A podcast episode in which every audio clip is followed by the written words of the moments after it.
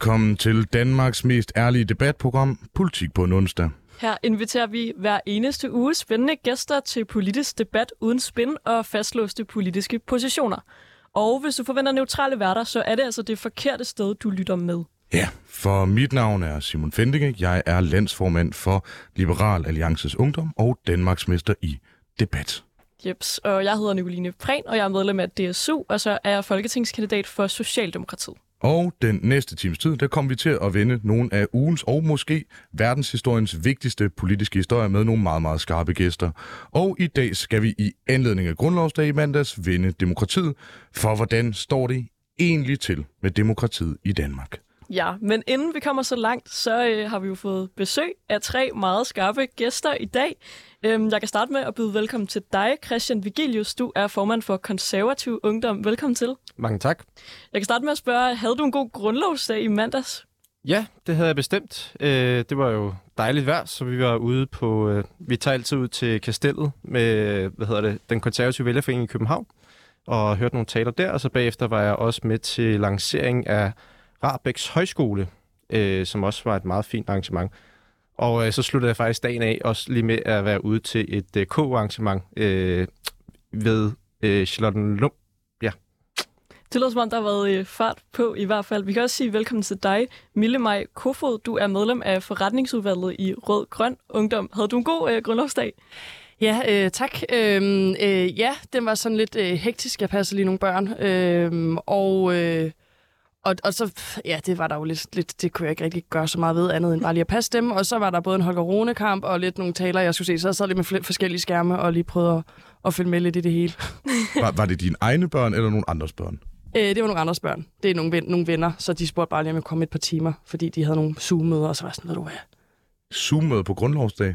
Meget udemokratisk. Meget udemokratisk, ja. Fik du præget de børn, du passede lidt med nogle øh, De, de 3 og 5, så, så, så jeg prøver bare lige at hoppe på trampolin og sige, det er grundlovsdag, uhu, det er meget vigtigt. Og Det, så, det er vel netop der, du kan præge dem. Altså, når først de bliver altså, halvvoksne teenager, altså, så det, du kan ikke præge dem der, så bliver de rebelske og sådan noget, begynder at høre sådan noget Green Day og sådan noget. Altså, det er meget bedre at præge dem nu. Jamen, jeg er fuldstændig enig, men jeg stemte også Liberal Alliance, jeg gik i 8. klasse, så jeg har ligesom sådan, eller I til, 8. skole, nej, til skolevalget. Det- jeg er lidt til nysgerrig på skolevalget. den. Okay. Øh, til skolevalget, der stemte jeg også Liberal Alliance, og jeg har ændret mening, så, Det vil jeg, så, så, så jeg håber... alle vores lyttere, der går i folkeskole at gøre. Wow, et ryg, du har taget så fra den, næsten den yderste højrefløj til den yderste venstrefløj. at de sagde fri has. og 8. klasse, der var det sådan, yes, så er man bare ung, og det gav bare super god Du mening. sad dengang. pilleskæv nede på bagerste række. Ja. Fedt, så er det ikke ulovligt længere. Ja, lige præcis. Spændende.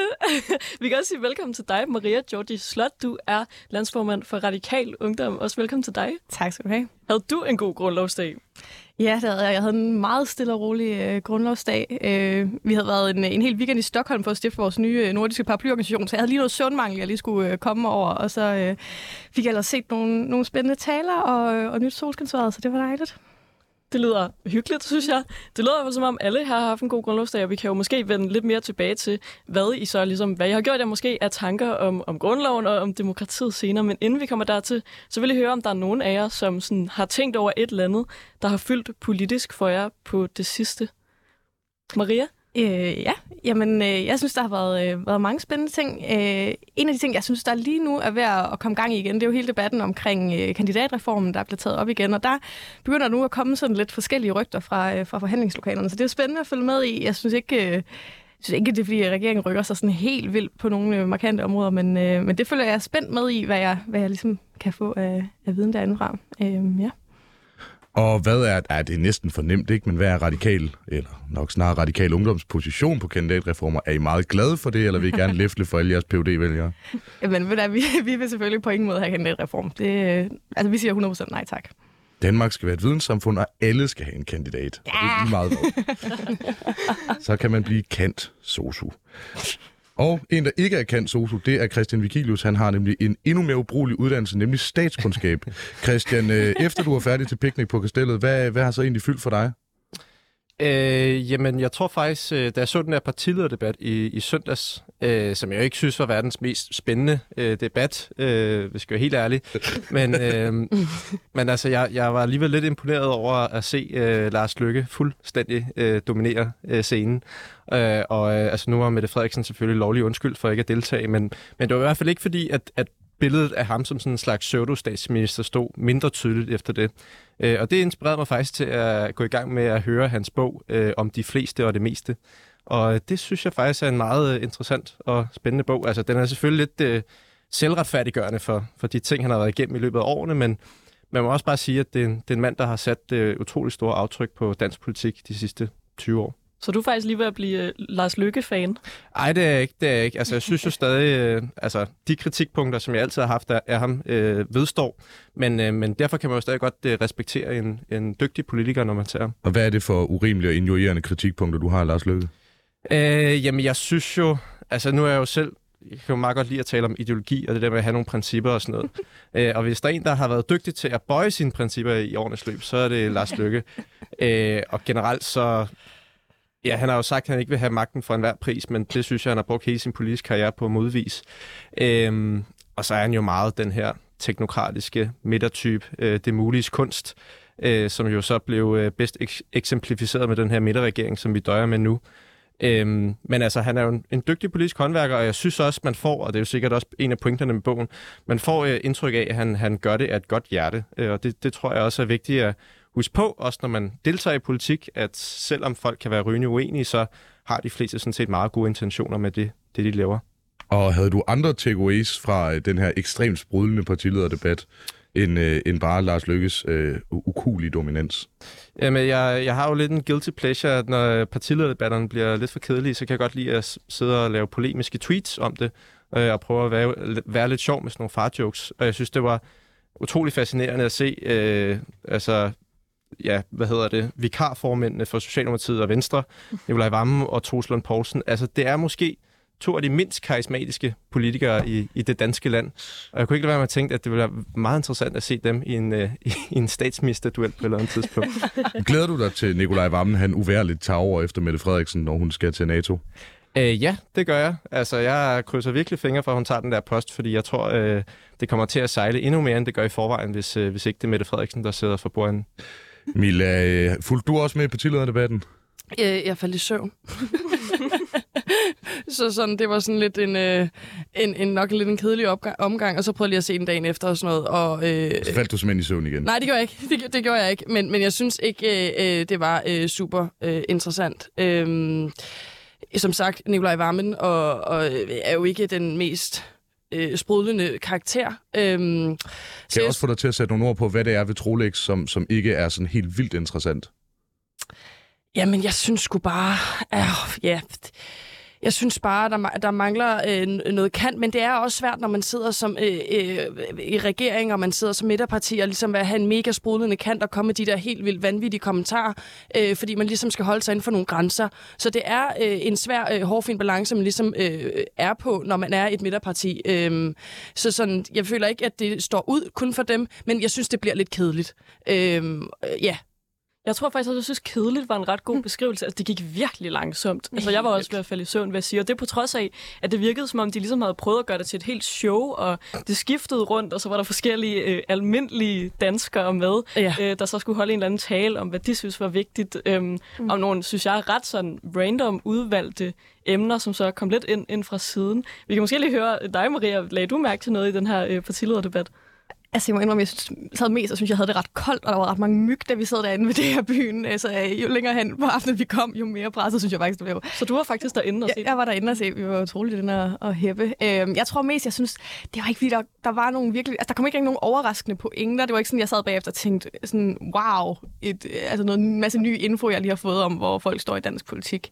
Øhm, jeg synes, der, der, gik sådan, der gik sådan lidt jokes over det på en måde, hvor, hvor jeg ikke synes, folk rigtig blev, blev udfordret så meget på nogle af de ting. Altså, altså at Inger Støjberg kan stå og slippe afsted med at sige, at, mm.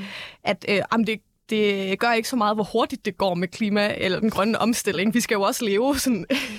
det er faktisk det, der er pointen. Mm. Altså sådan, det vil vi også gerne om, øh, om nogle årtier. Altså, sådan, altså jeg ved ikke, jeg synes, det var sådan lidt som om, man fik lov til at stå og, og joke lidt. Der blev ikke udfordret så meget. Det gik, altså tempoet gik ret, øh, gik ret langsomt, synes jeg. Nu, nu markerer Christian. Nu, øh, nu, nu blev der sagt noget om klima, nu går han helt op i, øh, op i en spids. Nej, det var faktisk ikke det. Det var bare det der... Jeg havde bare lige lyst til at rant over de der eventlige danske klip. Jeg synes simpelthen, det tog alt for meget tid.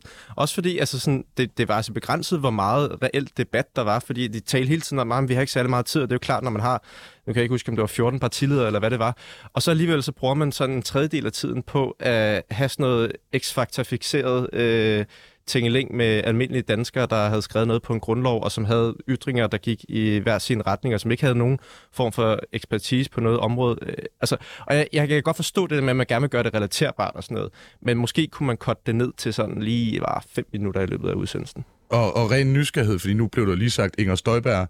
Øh, er du ikke lidt nervøs for, at den holdning øh, til øh, almindelige danskere og deres skønne, skønne holdninger til demokratiet, at, øh, at der er en grund til, at de gør det, at øh, folk gerne vil høre almindelige, dejlige danskere udtale sig om priserne på smør? Det tror jeg faktisk ikke. Jeg tror, når folk de tænder for fjernsynet øh, til en partilederdebat, så vil vi gerne se partilederne debattere. Øh, men, men det er bare, det, det er, når det er værst. Det, jeg synes virkelig, det, det bliver sådan lidt den store bagdystagtigt. Øh, og så, jeg, Hvilket jeg, også har mange seere, vil jeg minde om. Ja, det er rigtigt. Men, øh, men, men der tænder man jo også for den store bagdyst, fordi man gerne vil se det. Og jeg tænker, når den hedder partilederdebat, og det, man gerne vil se nogle politikere debattere, så, og jeg synes heller ikke, man skal skære det helt ud, men man kunne, kunne måske godt lige reducere det en smule. Maria, du, øh, du markerer, vil du også gerne have den store partilederdebat? ja, det kunne være meget underholdende. Øhm, jeg tror egentlig også, jeg synes, det, var, det er fordi, det er sådan en mærkelig, sådan falsk inddragelse at lave almindelige danskere, i stedet for, at man så tog nogen ind, som rigtig faktisk havde en masse erfaring ud fra nogle konkrete sektorer, man gerne ville tale om, og så sagde, nu får I lov til at komme med noget ordentligt indhold, og så sætter vi partilederne til at debattere det. Så var det sådan en, nu laver vi lige en mashup med syv sekunder pointer af en hel masse forskellige, der siger noget. Og så blev det jo ikke rigtig forholdt sig særlig meget til de pointer. Så blev det sådan en for show, at nu virker det som om, vi inddrager danskerne i stedet for faktisk at lytte til nogen, der så havde altså, erfaring øh, ud fra, fra forskellige øh, sektorer. Det synes jeg, det er sådan, ah, så bliver det mere for syns skyld. Jeg er helt enig. Jeg synes også, det var lidt sådan en amerikanisering, men man så det også under valgkampen, synes jeg. Det var TV2 faktisk, så uh, skyde skylden på det, synes jeg måske er lidt hårdt, fordi det var TV2, der kørte sådan noget vildt underligt, hvor statsministerkandidaterne skulle stå og sådan skrive nogle ting ned, et ord på et minut og sådan noget, øhm, som de ligesom synes var det vigtigste ord i, i debatten. Øhm, jeg synes, det er virkelig ærgerligt, fordi jeg tror, vi ender med ikke at, at lytte til vores politikere, som jo faktisk ofte har, har en masse klogt at sige, og som måske synes jeg selv skal have lov at udlægge øh, de ting, som, som de synes er, er vigtige. Der var også noget i, i den her partilederdebat i, i weekenden, hvor så var der en politisk analytiker, der lige pludselig, jeg tror det var hende og Christine Kort, som skulle forklare, hvad inflation var og sådan noget, i stedet for bare måske, at verden kunne gøre det, eller at, øh, at politikerne selv kunne få lov at gøre det. Mille, du kan lige øh, nå at få ordet, inden vi går videre til dagens debat. Altså, jeg tænker også, øh, Inger Støjberg har jo vundet på at kalde det almindelige danskere, og det er jo måske fordi, at politik og, og, og snakken om, om øh, demokrati og sådan noget kommer langt væk fra den almindelige dansker, og kommet meget, blevet meget mere centreret med nogle få personer, hvilket jo egentlig også lidt er hovedemnet i, i dagens program. Altså sådan, så sådan, det er måske bare en meget smart måde at komme ind og ramme de mennesker, der føler, at de faktisk er faldt af øh, eller ikke bliver grebet i den, øh, den daglige politiske snak. Øhm, og, og, og det synes jeg faktisk bare er ret klogt, øh, og måske noget, vi andre kunne lære lidt af, hvordan man egentlig rammer den brede befolkning, og ikke kun den lille del, der øh, er øh, øh, uddannet øh, kandidat øh, i statskundskab, eller hvad vi kan snakke om. Man kan vel eventuelt et kompromisforslag her i studiet sige, at man skal have over 10 procent i meningsmålingerne, for at man må være med til partilederdebatter, så vil det bare være lidt færre partier med ja, lidt mere taletid. Alle dem, der repræsenterer de almindelige danskere. Og nu skal vi til dagens debat.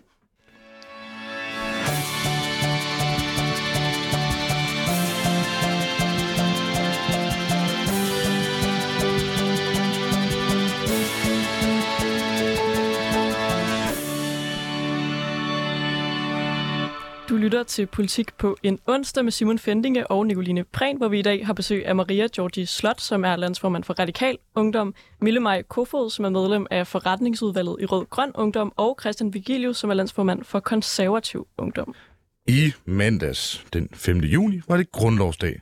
Dagen, hvor det markeres, at grundloven og dermed demokratiet blev indført i 1849, bruges af mange på lige at tage temperaturen på demokratiet. Hvordan går det egentlig med demokratiet i Danmark? Ja, og det er altså også det, vi har sat os for at gøre i dagens politik på en onsdag, hvor vi først skal vende, om vi overhovedet har et demokratisk problem i Danmark, derefter om øh, det er en udfordring, at der er færre danskere, der engagerer sig i de politiske partier, og til sidst om Danmark bør få en grøn grundlov. I midten af maj måned udkom en omfattende global undersøgelse af synet på demokrati, som Analyseinstituttet Latana, måske opkaldt efter TV2-sangen Lanternen, og tænketanken Alliance of Democracies stod bag. Den viste, at 88 procent af de adspurgte danskere de mener, at det er vigtigt, at deres hjemland er et er demokratisk, og det er jo positivt. Men til gengæld, så var der kun 70 procent af de danske respondenter, som mente, at Danmark rent faktisk er et velfungerende demokratisk land.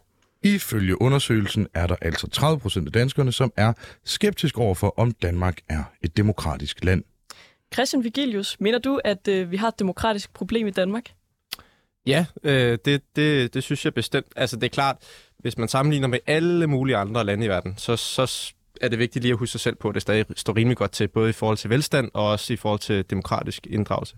Men der er helt sikkert et problem, øh, og det kan man jo se på, øh, altså hvor mange medlemmer de forskellige politiske partier har, øh, sådan set også ungdomspartier. Altså det har været stødt faldende, hvis, hvis man kigger sådan på øh, de sidste 50 år. Øh, så der er helt sikkert et problem, øh, og jeg tror også, øh, man kan sige, øh, apropos Inger Støjberg, der blev nævnt før, hendes vælgersegment er jo netop en gruppe, som ikke føler sig inddraget. Øh, og så kan man have alt muligt skepsis omkring, jamen er det øh, legitimt, eller hvad er det? Men man må bare anerkende, at der er nogle grupper i samfundet, som ikke føler, at de er en del af udviklingen, som ikke føler, at de er en del af samfundsudviklingen. Øh, så der, der er helt sikkert problemer, og man kan sige, at det er jo selvforstærkende på den måde, at jo færre der er med i politiske partier, jo mindre indflydelse har borgerne så også på den politik, der bliver ført, og så er der endnu færre, der vil engagere sig, fordi øh, de ikke føler, at deres stemme er der i, i debatten. Så vi har helt sikkert et problem, og øh, og jeg tror også, det er det, der kommer til udtryk, når det er, vi kan se, at der er mere og mere polarisering i, i dansk politik. Det er heldigvis ikke på amerikansk niveau endnu, men jeg kan godt frygte, at det bliver det. Øh, og det bliver jo også igen forstærket, at vi har så mange små partier, som har alle mulige sådan separate øh, dagsordner. Øh. Ja, fordi du, du nævner først det her med, øh, med partipolitik, og det, vi kommer tilbage til, til øh, i anden runde, dermed at der er færre danskere, der melder sig ind i partier, og hvad man kan gøre ved det. Øhm, så lad os holde os til det mere sådan overordnet, hvordan det går med demokratiet. Du siger, at der eksisterer en, en polarisering. Kan du prøve at uddybe det? Ja, altså, altså for det første antallet af, af politiske partier. Øh, det, mm. det kan godt, godt virke rimelig banalt, men, øh, men det gør jo bare, at altså, politik er jo også et nulsumspil, øh, og man skal hele tiden konkurrere om at maksimere sine egne stemmer. Så jo flere aktører der er, øh, jo mindre eller jo mere konkurrence vil der også være om de stemmer. Øh, og så tror jeg også, og det kan man så særligt se på sociale medier, at den demokratiske samtale lider altså også. Altså det, det bliver mere mere hårdt trukket op. Der er også undersøgelser, der viser, at der, der er flere, der ikke tør engagere sig i debatten, fordi at tonen er så hård. Øh, og der, der vil jeg sige, at Twitter, det er nok det værste sted at engagere sig i samfundsdebatten på, fordi det er simpelthen bare... Der, man skal nærmest ikke skrive noget, der bare sådan er en lille bitte smule kontroversielt, før man virkelig får over lappen, fordi så sidder der Øh, og det, det er jo lidt paradoxalt, når det er politikernes og journalisternes foretrukne platform, men det, det er de mest arige typer og kældermennesker, der sidder derinde. Og jeg ved ikke, hvad de laver til daglig, men jeg går ud fra, at de ikke øh, har et arbejde, fordi de er virkelig aktive og kan skrive alle mulige sviner afsted konstant. Så Twitter er i virkeligheden bare ekstrabladets nation med et væsentligt højere ligestal, hvis jeg forstår det rigtigt. Ja, øh, bortset fra det der med ligestallet. Så... Bevares, man har også kun 100, 180 tegn. Nu, øh, Maria, nu handler det om tonen i debatten, og det ved jeg, det er noget, man som radikal øh, kun kan blive, øh, kan blive glad for. Hvordan synes du, det, det står til med demokratiet sådan i allerbedste overordnede termer? At det, er jo, altså, det er jo virkelig et stort spørgsmål at svare på, fordi man kan sige på mange måder, som, som Christian også siger, så går det jo egentlig okay godt i Danmark. Altså, vi har jo øh, højeste, altså, valgdeltag, altså høj valgdeltagelse ved vores valg, og sådan. det er jo ikke fordi, at vi på den måde er i krise, men jeg synes alligevel, det er bemærkelsesværdigt, at der er så mange, der siger, at de føler, at vi ikke har et velfungerende demokrati. Altså, hvor det, den opfattelse kommer fra, øh, kunne være virkelig spændende at finde ud af. Og jeg tror, I er helt ret i, at noget med den her debat på sociale medier er blevet altså så hardcore, så måske det eneste sted, der kan overgå øh, Twitter, kan være altså Facebooks kommentarfelter engang imellem. Det er godt nok også et ubehageligt sted at være. Hvilket man også lidt kan se, at der er så mange medier, der efterhånden har taget konsekvensen og bare altså, lukker kommentarsporene på alle deres artikler, fordi at de kan ikke øh, styre det der show længere. Og det, kan det ikke også ende med så at blive, at man jo lukker ned for den demokratiske samtale, hvis man bare lukker sine kommentarspor af? Jo, altså jeg synes, det er, det er ret ærgerligt, at de har vurderet, at det var nødvendigt. Altså det er jo, sådan en, det er jo bare en symptombehandling på en eller anden måde. Det er jo ikke, det er jo ikke noget, der løser problematikken. Øh, og jeg ved, ikke, altså jeg ved ikke, hvad der er værst. Øh, ikke, at man kan tage debatten. Jeg synes nogle gange, det er rigtig ærgerligt at kunne gå ind og se, hvordan folk forholder sig til forskellige spørgsmål. Men på den anden side, så, som vi siger, der er også altså mange, der slet ikke har lyst til at deltage i debatten. Og det er jo også, fordi man oplever den der mængde af had, der kan komme ud. Øh, så, så jeg tror også, måske det nogle steder har været en, en nødvendig konsekvens. Øhm. Ja, vi kan måske vende tilbage til løsningerne om lidt. Mille Maj Kofod fra Rød Grøn Ungdom. Øh, er det et problem, at 30 procent af danskerne ikke kan svare ja til, at øh, Danmark er et velfungerende demokrati? Altså, ja, jeg tror i hvert fald godt, hvor jeg kan, hvor jeg kan finde de 10 procent hen. Og det er jo, at der er 10 procent af vores medborgere, der ikke kan stemme. Og, og det er et kæmpe problem. Øh, ikke, ikke nok med, at at, at de ikke kan få lov til at have en stemme i vores land. Men den politik, der så øh, bliver gennemført, øh, den kan de ikke stemme imod. Øh, vi har et klassisk eksempel i, at, at regeringen afskaffede Stor Bededag, der var en kæmpe demonstration på Slotspladsen, og Mette Frederiksen har aldrig nogensinde haft sådan en, dårlig, en dårlig meningsmåling, som hun har lige nu. Altså, der er ligesom en forbindelse mellem øh, de øh, politiske øh, beslutninger, der bliver gennemført, og befolkningen.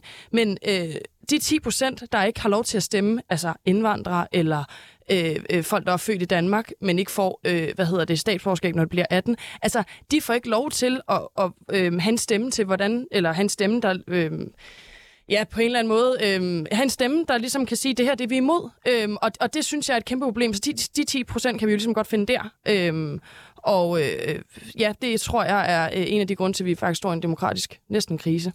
Så en, en tredjedel af dem er, er, er måske forklaret. Man kunne også forestille sig, at der sidder nogle landmænd, minkavlere eller bare nogle øh, kældermennesker fra den aller yderste højrefløj, som er en lille smule træt af, af noget, der skete for en efterhånden halvandet års tid siden. Om øh, at jeg så ikke mener, at man nødvendigvis bør miste tilliden til demokratiet og sådan noget. At det, det er så noget andet.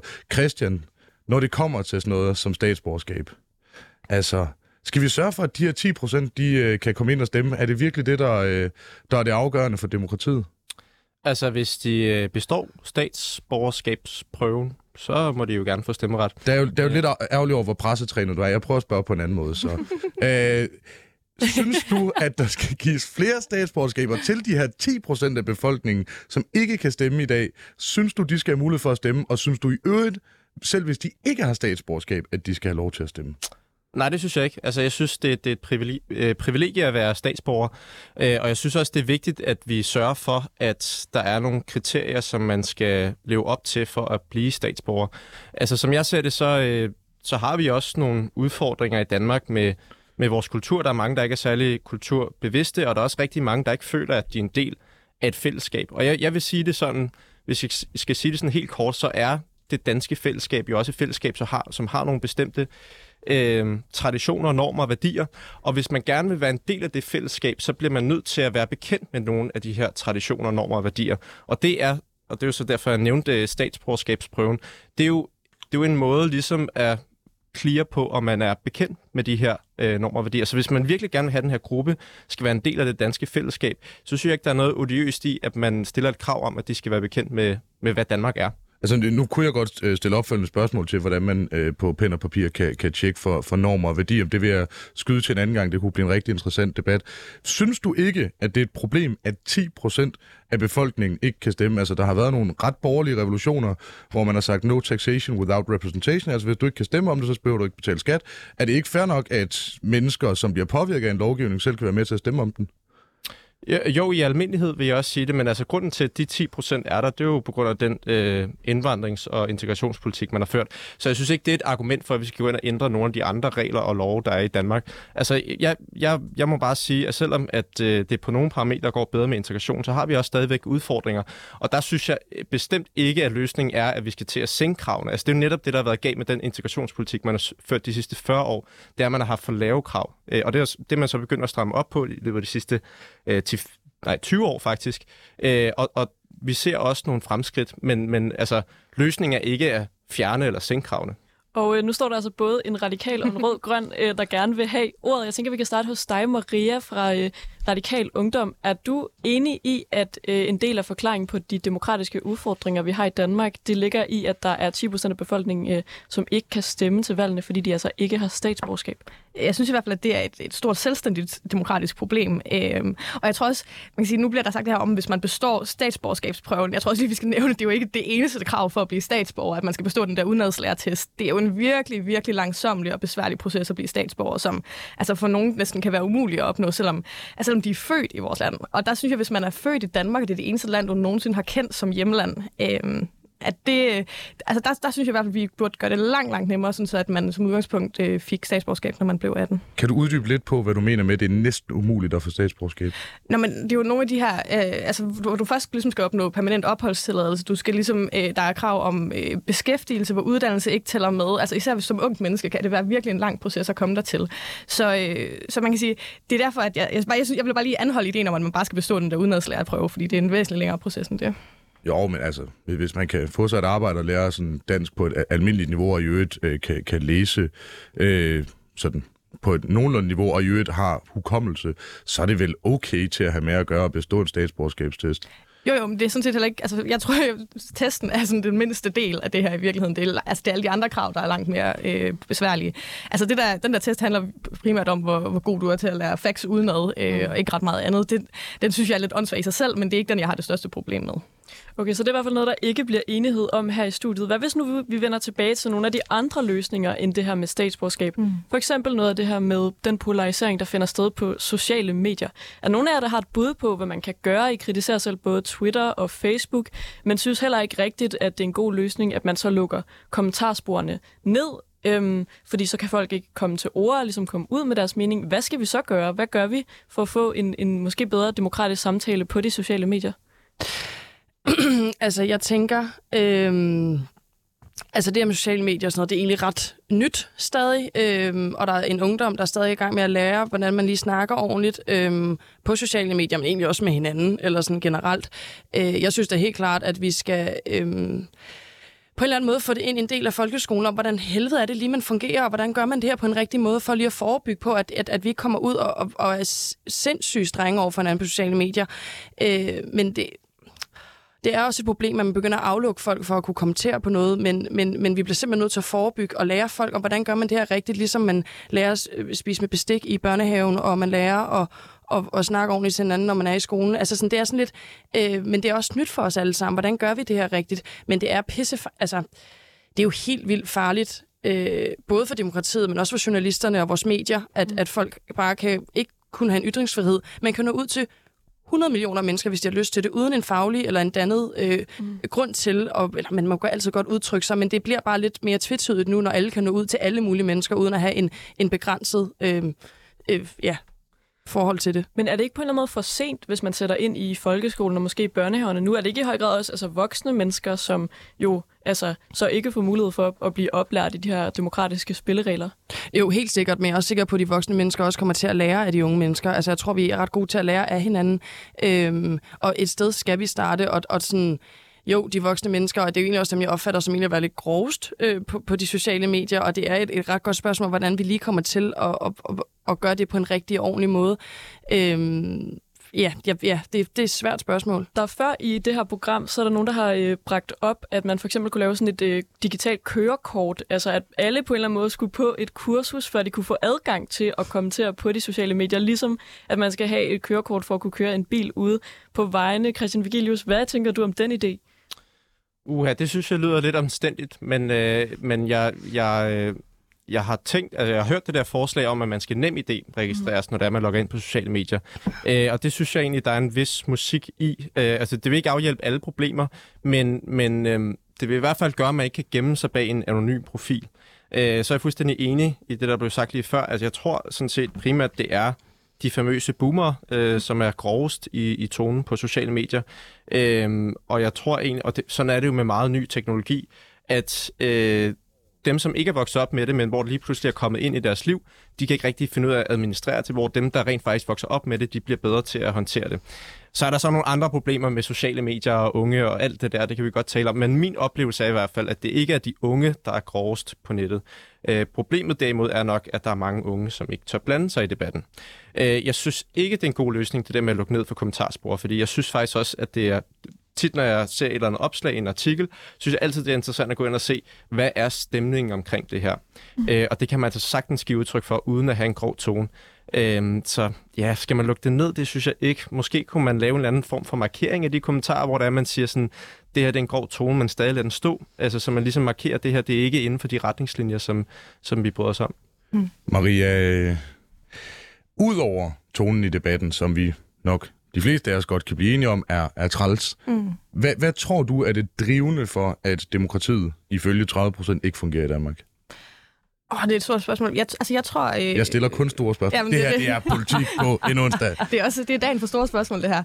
øhm, jeg tror, altså udover at det bare handler om, at folk øh, er dårlige til at, at tale pænt til hinanden, så synes jeg også, at de, vi er jo i en helt ny verden af sådan algoritmer og sociale medier, som virkelig puster til nogle, altså øh, også noget polarisering, og at vi altid bliver præsenteret for ting, der enten øh, taler ind i vores egen boble, eller de ting, der gør os allermest vrede. Altså der er jo ligesom nogle sociale medier, som har fundet ud af, hvordan de bedst fastholder vores opmærksomhed. Og det, det synes jeg er altså, det er, jo, det er jo, vi er jo midt i et eksperiment for at finde ud af, hvordan det her øh, det påvirker vores demokrati. Sådan et stort levende eksperiment. Og det, det tror jeg, vi måske skal ind og kigge på, hvordan vi kan have bedre ligesom, øh, kontrol med de tech-giganter, der ligesom får så stor indflydelse på vores, øh, vores demokrati. Så, så for god skyld, du, du mener, at de 30 procent, det, det er primært drevet af sociale medier?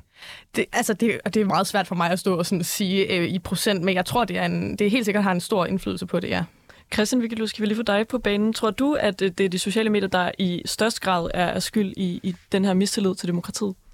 Øh, det er svært at opgøre i procenter. Jeg tror ikke, øh, jeg tror ikke det er den største grund. Jeg tror, det er en medvirkende faktor. Øh, det er klart, altså jeg tror, en del af det er også det her med, at vi ikke er klar over, hvor godt vi har det. Øh, det, det bliver jeg også nødt til at sige. Øhm, fordi der er rigtig mange lande i verden, hvor man vil prise så lykkelig over at leve i et land som Danmark, hvor øh, man rent faktisk har lov til at sige det, man mener, og, man, og der er medbestemmelse på sådan et almen niveau. og så er det jo også rigtig mange år siden, vi, vi efterhånden et par generations generationer siden, at der rent faktisk var øh, altså besættelse i Danmark. Øh, det tror jeg også har en betydning.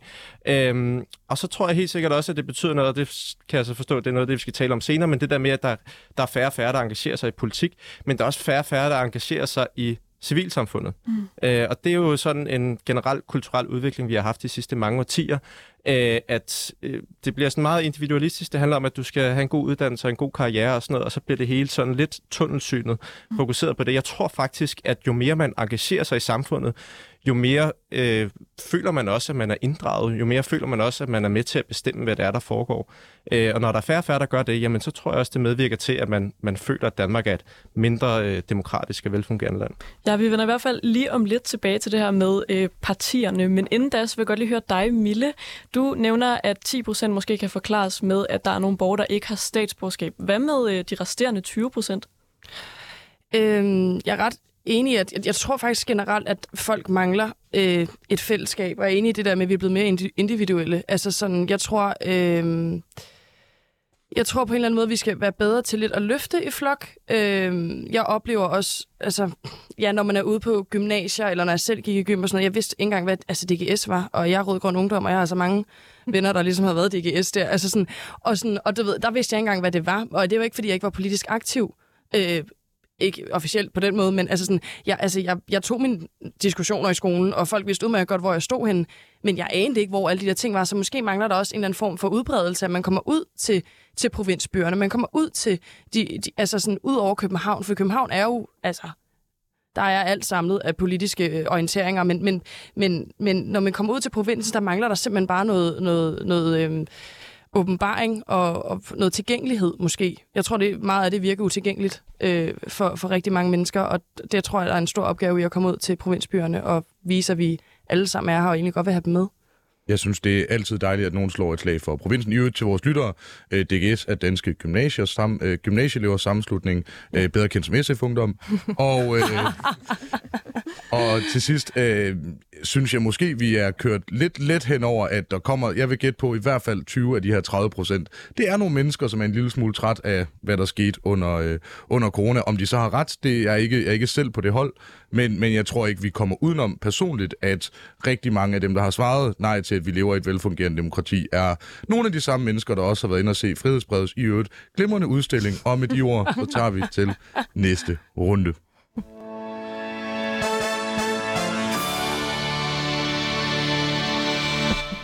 Du lytter forhåbentlig stadig, det er et lidt mærkeligt tidspunkt at tune ind på, til Politik på en onsdag med Nicoline Prehn og Simon Fendinge, hvor vi i dag har besøg af Maria Georgi Slot, formand for Radikal Ungdom, Mille Maj Kofod, medlem af forretningsvalg i Rødgrøn Ungdom, og Christian Vigilius, formand for Konservativ Ungdom. Ja, og vi er altså godt i gang med at vende demokratiet i Danmark. Er det udfordret, eller fungerer det egentlig meget godt? Kun ca. 135.000 danskere er medlem af et politisk parti, hvilket svarer til knap 3% af den voksne befolkning. Det er altså kun de 3% af befolkningen, som er med til at vælge, hvilke kandidater, der skal opstilles til valg, hvilket, hvilken politik, som partierne skal føre, og i mange tilfælde også, hvem der skal lede partierne. Men er det overhovedet et problem, at hele 97% af den danske voksne befolkning står uden for partipolitik? Giver det så overhovedet mening, at vi holder fat i partisystemet? Maria, er det et problem, at flere ikke engagerer sig i partipolitik? Det er et kæmpe problem. Jeg tror faktisk, jeg synes, det er et af de største problemer, vi har.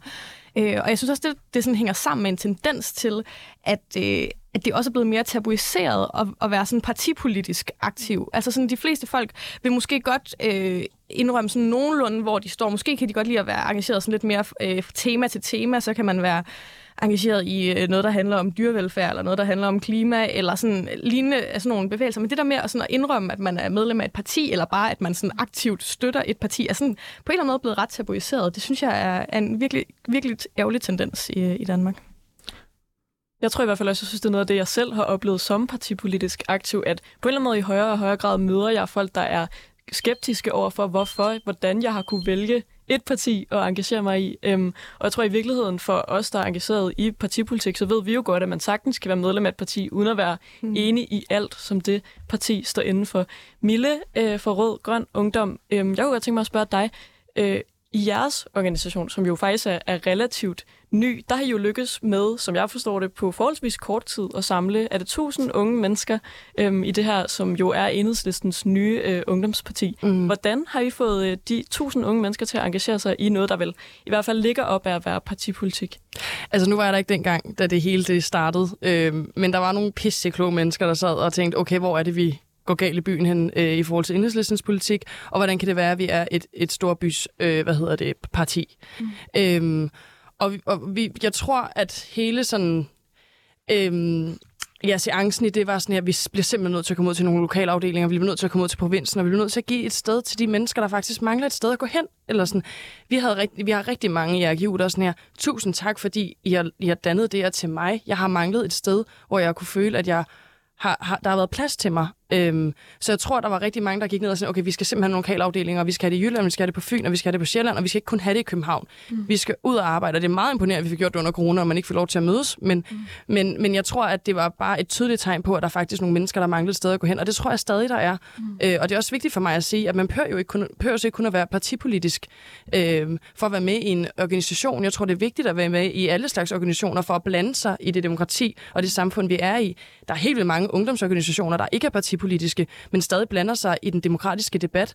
Mm. Øhm, og det tror jeg er lige så vigtigt, at det ligesom bliver vist øh, ud til, til provinserne og, og, og København for den sags skyld, at der er rigtig mange ungdomsorganisationer, som ikke er partipolitiske, men stadig blander sig i den demokratiske debat. Og, det, og hvis man ikke lige føler, at man er, passer et sted på den politiske akse, så er det også et sted at søge hen. Mm. Jeg anede heller ikke, det fandtes, før jeg kom til København. Det er måske også mig, der leder under en sten. Det føler jeg ikke, jeg har. Men det er bare, jeg vidste godt noget af det, men der er måske bare en, en, en form for fejl i tilgængelighed, øh, og meget af det centreret om København. Mm. Øh, og det synes jeg er øh, en fejl, for der bor altså kun en million i, i København, er det ikke sådan det omkring? Lynhurtigt nysgerrigt spørgsmål. Nu snakker du meget om provinsen og uden for hvor, hvor er du fra?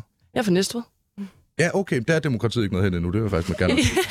jo, altså der er, der er jo, øh, men, men, men jeg mærker da helt sikkert, at folk mangler et sted at gå hen, og jeg prøver da at stille og roligt også foreslå med alle mulige andre partier end RGU, for jeg synes bare, det er vigtigt, at man, man mm. engagerer sig i det samfund, der er mange, der har kæmpet for at bygge op. Mm. Øhm, og ja, ja, ja, ja. Ja, jeg kunne godt tænke mig at spørge dig, Christian Vigilus, lidt i forlængelse af, af det spørgsmål, jeg stillede Mille her. Øh, konservativ Ungdom er det største ungdomsparti i Danmark lige nu. Øh, hvordan er I lykkes med det?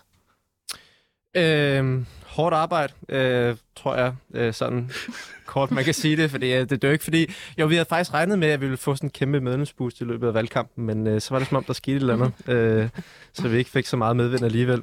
Mm. Så nej, altså vi prøver jo at bare skabe så mange aktiviteter for vores medlemmer som muligt, og det, det tror jeg så også er en, en historie, en fortælling, vi skal være bedre til at komme ud med, at ungdomspolitik handler også rigtig meget om et socialt fællesskab. Mm. Altså, vi, vi ville ikke kunne eksistere, hvis ikke der var et socialt fællesskab. Mm. Og det er super fedt, det der med at være en del af et fællesskab med folk, der interesserer sig for politik. Og så er der jo vidt forskellige holdninger øh, internt i organisationerne også. Altså, jeg vil ønske, der var flere, der kunne se sådan nogle af de, de debatter, vi, havde på, vi har på vores mm. landsråd.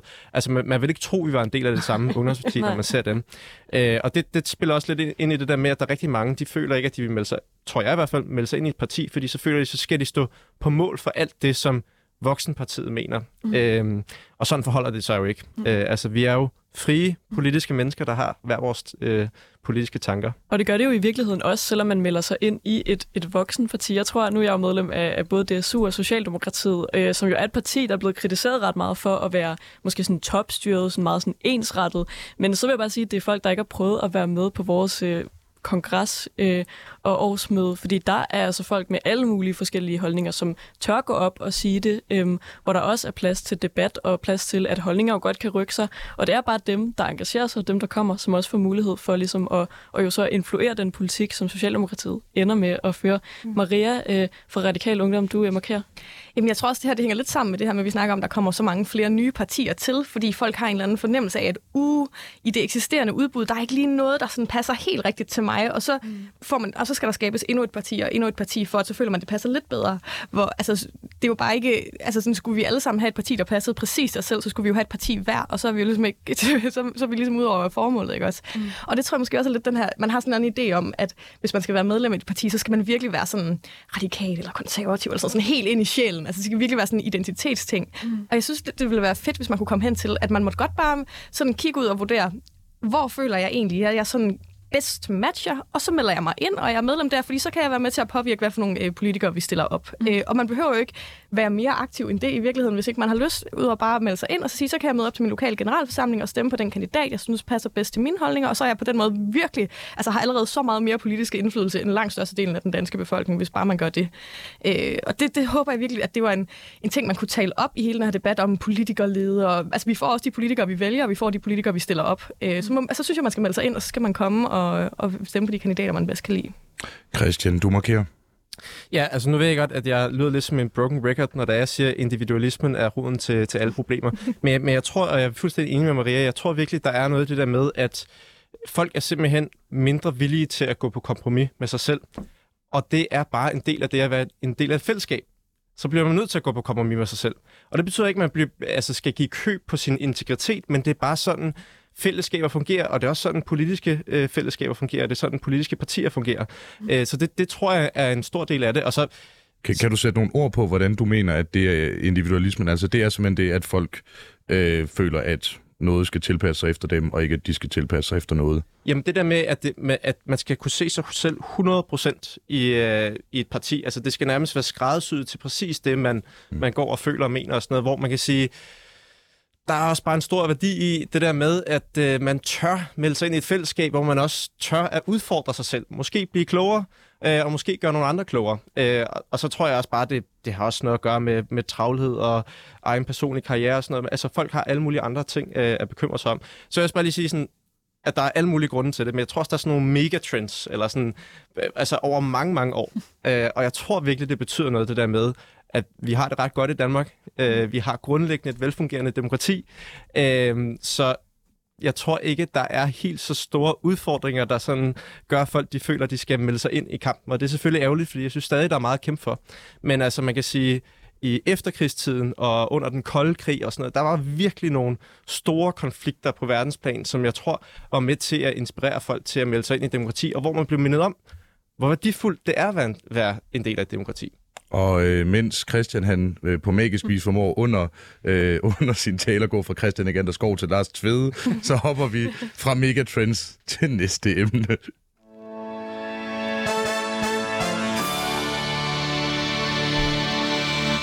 Du lytter nemlig til Politik på en onsdag med Simon Fendinge og Nicoline Prehn, hvor vi i dag har besøg af Maria Georgi Slot, som er landsformand for Radikal Ungdom, Mille Maj Kofod, som er medlem af forretningsudvalget i Rød Grøn Ungdom, og Christian Vigilius, som er landsformand for konservativ ungdom. Ja, den personlige frihed er ukrænkelig. Du har ret til at forsamle dig med andre mennesker for at ytre din holdning. Alle børn har ret til fri undervisning. Grundloven cementerer med andre ord den danske befolknings allermest basale rettighed og er grundstenen i al anden lovgivning. Dermed er danskernes rettigheder altid sikret. Men hvad hvis grundloven også indeholder paragrafer om naturen og klimaets basale rettigheder? I mange andre lande, eksempelvis Norge, Sverige og Tyskland, der er paragrafer om for eksempel retten til at indånde ren luft eller drikke rent vand med i deres forfatninger. Og det kan nu også blive en realitet i Danmark. Et af de forslag, der er blevet bragt op på grundlovsdag igennem de seneste år, er nemlig ideen om en grøn grundlov. En koalition bestående af en lang række virksomheder og organisationer, blandt andet Ørsted, Grundfos, Verdens Skove og Unge Klimarådet, står bag ideen om at opdatere den danske grundlov med en række paragrafer om klima og miljø. Det er i sandhed The Four Horsemen of the Apocalypse. De har fem principper, de gerne vil have tilføjet til grundloven. Retten til ren luft, retten til drikkevand, retten til ren mad, hvad det så end betyder. Retten til et bæredygtigt klima og retten til en mangfoldig natur. Ja, og den her idé den er altså blevet samlet op af radikale venstre, og ved afslutningsdebatten i Folketinget i onsdags, der brugte partiets formand Martin Lidegaard en del af sin taletid på at invitere de andre partier med i arbejdet på at få indført en grøn grundlov i Danmark. Og jeg kan jo supplere med, at på Testrup Højskole nævnte Maj Villadsen det samme i sin, øh, sin grundlovstale, men, men det er godt, at, at flere mennesker kan tage fejl på samme tid. Men er det virkelig nødvendigt at ændre på grundloven for at passe på vores klima og natur? Det spørger vi vores gæster om i dag. Og Maria, jeg tænker, vi kan starte hos dig. Jamen, jeg synes, det er en, en rigtig spændende tanke, der er blevet bragt op. Øhm, fordi jeg egentlig synes, at det grundlæggende vil give meget god mening at sige, at sådan noget som retten til at, øh, at trække vejret i et land, hvor vi har ren luft, øh, trække vand fra vores vandhaner, som er ren, øh, at det, det giver god mening, at det, at det ligesom bliver ligestillet med retten til for eksempel undervisning eller forsamlingsfrihed.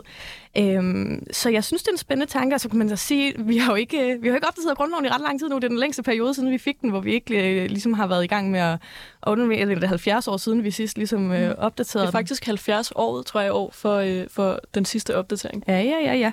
Så sådan, det kunne da være en meget god lejlighed til at tage øh, snakken op igen. Jeg synes i hvert fald, man kan sige, der er øh, virkelig mange andre lande, der har gjort det, og som egentlig har oplevet, at, det, at de har givet en god, øh, god effekt, og at det gør, at man ligesom man øh, så på den måde kan, øh, kan udfordre øh, lovgivningen, der bliver lavet, som øh, modarbejder de her forslag. Og det synes jeg er en interessant tanke.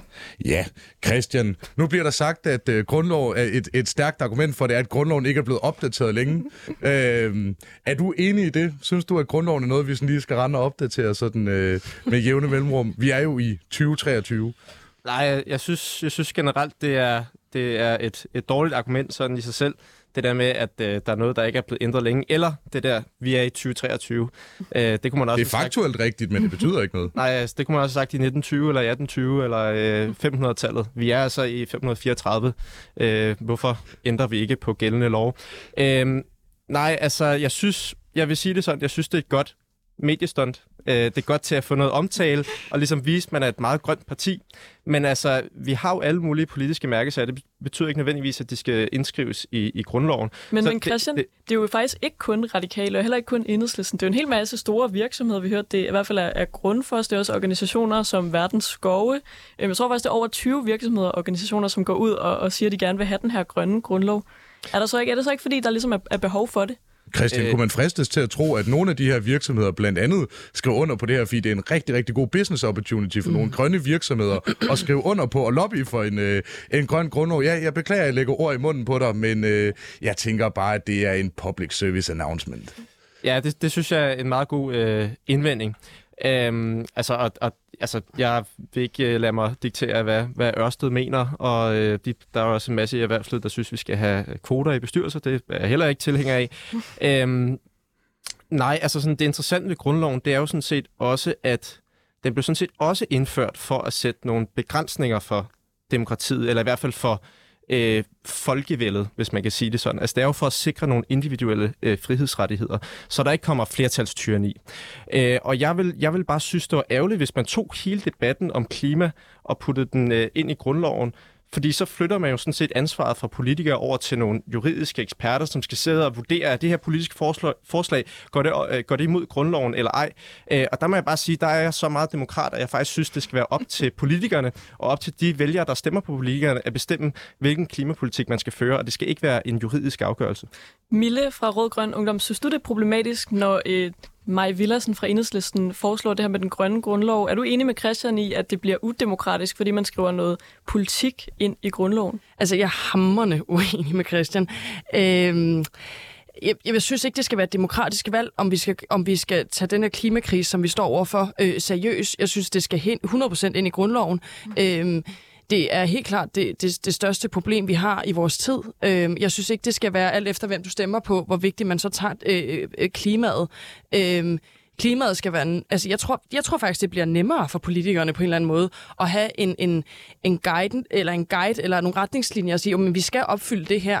øhm, så kan vi ikke bare lige gøre sådan her. Altså sådan, jeg, tror, jeg tror på en eller anden måde, at at det gør det nemmere, så det ikke altid hele tiden bliver så spe, øh, sådan, ja, øh, opfyldt, eller det bliver fyldt op af klimadebat hele tiden. Jeg tror, det på en eller anden måde bliver meget bedre, hvis man sætter en grundlov på at sige, det er sådan her, det fungerer. Vi skal, passe på, vi skal ikke bare passe på, vi skal redde vores klima, fordi så er alt andet fuldstændig ligegyldigt, hvad det er, vi gør. Øhm, så jeg synes kun, det er helt klart ikke kun nemt, men det er også godt øh, og den bedste løsning øh, på, på øh, den klimadebat, vi har lige nu. Især når der stadig er skeptikere i forhold til klimakrisen og global opvarmning og alt det her. Tror du, de bliver mindre skeptiske af det står i grundloven? Hvordan? Hvad mener du? Nå, men øh, om, om det løser klimaskepticisme. Øh, og så et andet spørgsmål. Altså, jeg er for eksempel øh, fanatisk omkring lav skat. Kan vi så ikke få indskrevet i grundloven, at man højst må have en marginalskat på 30 procent, eller at vi ikke må have en selskabsskat over 5 procent? Ja, men, men jeg synes ikke det samme at sige, øh, øh, om øh, lav skat er det samme som øh, rent drikkevand. Øh, altså Nå, men det er vel bare der, politiske er, prioriteter. Nej, det er ikke politisk. politisk. bruge grundloven som sådan en politisk glidebane til vores egen holdning. Men rent vand, det, det giver liv. Rent mad, det giver liv. Altså sådan, det her, det handler om at redde verden. Det handler om at redde befolkningen. Det handler ikke om, om du skal have flere penge, fordi du har et eller andet. Altså sådan, det her, det handler om øh, basale livsvilkår. Og det handler ikke om, øh, om du kan få lidt flere penge i, i lommen. Øh, så jeg synes ikke, man kan stille det op mod hinanden overhovedet. Det kan vi måske smide over til dig, Christian. Handler det ikke om så basale rettigheder for mennesker, at det giver meget god mening at få opdateret den grundlov og få smidt det ind? Men altså, det vil jeg jo sådan set mene, at vi også øh, opfylder i dag. Og der er jo kæmpe politisk vilje for at øh, rykke på, på klimakrisen. Jeg så vil jeg bare sige, at det kan godt være, at det bliver lettere for, for politikerne. Det vil det givetvis, hvis der man begrænser, hvad det er, de må mene. Jeg må bare sige, at det er ikke særlig demokratisk. Og nu står vi i en udsendelse her, hvor vi taler om demokrati. Altså det at begrænse, hvad man må mene politisk, det er altså virkelig nedbrydende for demokratiet. Øh, og det er også derfor, jeg, jeg synes ikke, der er noget behov for at ændre grundloven. Og Mille, nu sagde du det her med, at øh, det er jo åbenlyst, hvad det er, man skal gøre. Det vil jeg så sige, øh, apropos partilederdebatten i søndags, det er jo ikke åbenlyst for enhver. Øh, det er det givetvis for en selv, fordi man har nogle politiske holdninger. Men der må man altså som god demokrat altså også respektere, at der er andre, der betragter det på en anden måde. Og jeg tror sådan set, at de fleste partier gerne vil øh, rykke på den grønne omstilling, men der er forskellige tilgang til det. Altså i min optik, så altså, øh, mange af de røde partier vil gerne have, at vi skal have mindre økonomisk vækst, og vi skal øh, gå lidt ned i levetilstand øh, for at fremme klimaet. Og der vil jeg sige, at det tror jeg er en rigtig dårlig løsning på lang sigt, fordi jeg tror, man skal få økonomisk vækst og den grønne omstilling til at gå hånd i hånd. Så det er ikke bare skrevet øh, på, på nogle sten, hvad, hvad det er, man skal gøre i forhold til klimaet fuldstændig enig i øvrigt. Øh, ren nysgerrighed, Maria, øh, synes du, det er fair, at øh, eksempelvis det at bygge en Kattegatbro, som ellers er en rigtig, rigtig fornuftig investering, at det skal være et grundlovsbrud? Jeg tror bare lige, jeg vil lige anholde den her idé om, at det skulle være vildt udemokratisk at gøre det her, fordi det vil kræve den største demokratiske proces, man kan forestille sig at ændre grundloven. Altså hvis det går igennem, så er det alligevel, fordi der er en relativt stor folkelig opbakning til det. Der, der, vil jeg, nej, der er jeg simpelthen nødt til at have en indvending, nemlig at grundloven netop er til for at beskytte minoritetsrettigheder. Altså her kan 51 procent, hvis man lader alting være op til grundlovsændringer, kan du lade 51 procent trumpe de 49 procent hele tiden. Faktisk det, der er hele grundstenen i vores repræsentative demokrati, og derfor vi indført grundloven. Sorry for afbrudt, det er simpelthen bare lige, det skal vi bare lige have på plads. Nå, men jeg mener, altså, det, er jo, det, er jo, øh, det kræver jo øh, udsk- altså, genudskrevet folketingsvalg, det kræver rigtig mange ting at få det her gennemført. Og jeg synes netop også, at det handler om faktisk at beskytte øh, minoritetsrettigheder i virkeligheden. Det handler om, at, at lige meget, at om der er øh, flertal for det, eller ej lige i den periode, man er i Folketinget lige nu, så skal alle have lov til at trække vejret uden at blive forgiftet. Det handler om, at lige meget hvem, der lige har fået magten, fordi mandaterne lige er faldet på den ene eller den anden måde, så skal alle have lov til at drikke vandet uden at blive forgiftet. Det synes jeg faktisk er, altså, er grundlæggende mindretalsbeskyttelse. Og det var altså alt, vi nåede øh, i den første time af politik på en onsdag. Man kan lytte med 6 minutter over 11 efter nyhederne.